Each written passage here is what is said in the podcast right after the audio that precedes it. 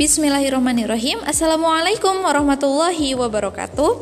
Syrah li sadri wa yasir li amri wa ahlul uqdata min lisani yafqahu qawli.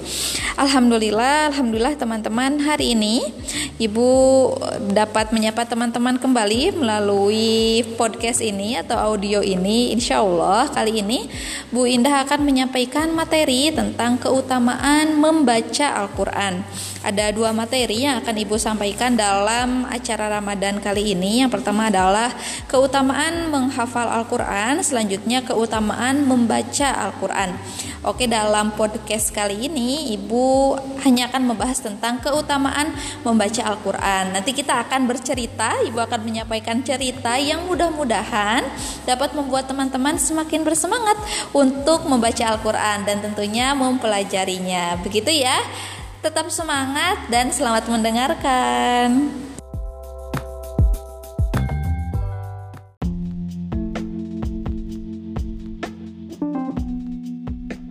Baik, alhamdulillah kita akan segera mulai materi hari ini. Ibu akan bercerita, ter, bercerita terlebih dahulu tentang seorang anak yang mengangkut air dengan keranjang sampah. Teman-teman tahu keranjang sampah? Jadi keranjang sampah itu kan kotor ya karena digunakan untuk sampah lalu tidak seperti ember yang penuh tidak bolong tapi keranjang sampah itu ada bolong-bolongnya.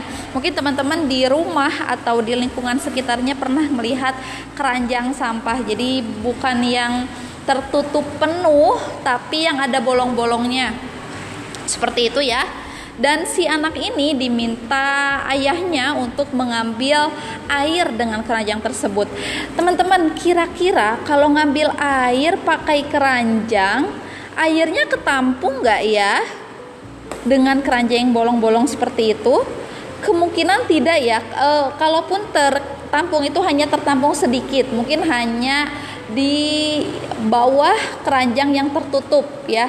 Jadi yang sekitarnya itu tidak bisa menampung air karena bolong-bolong. Mungkin airnya hanya tertampung sedikit sekali di bawah. Dan mengangkutnya menggunakan keranjang sampah. Keranjang sampah itu kan kotor ya, teman-teman. Jadi si anak itu cukup kebingungan kenapa dia harus mengambil air menggunakan keranjang sampah yang kotor. Tapi si anak itu tetap mengikuti, mematuhi perintah orang tuanya karena kita tetap harus mengikuti perintah orang tua ya masih itu memang hal baik toh dia merasa oh ya udah mungkin memang uh, air yang dibutuhkan sedikit akhirnya dia mengambil air menggunakan keranjang sampah tersebut. Nah bagaimana kelanjutan ceritanya? Setelah ini akan ibu lanjutkan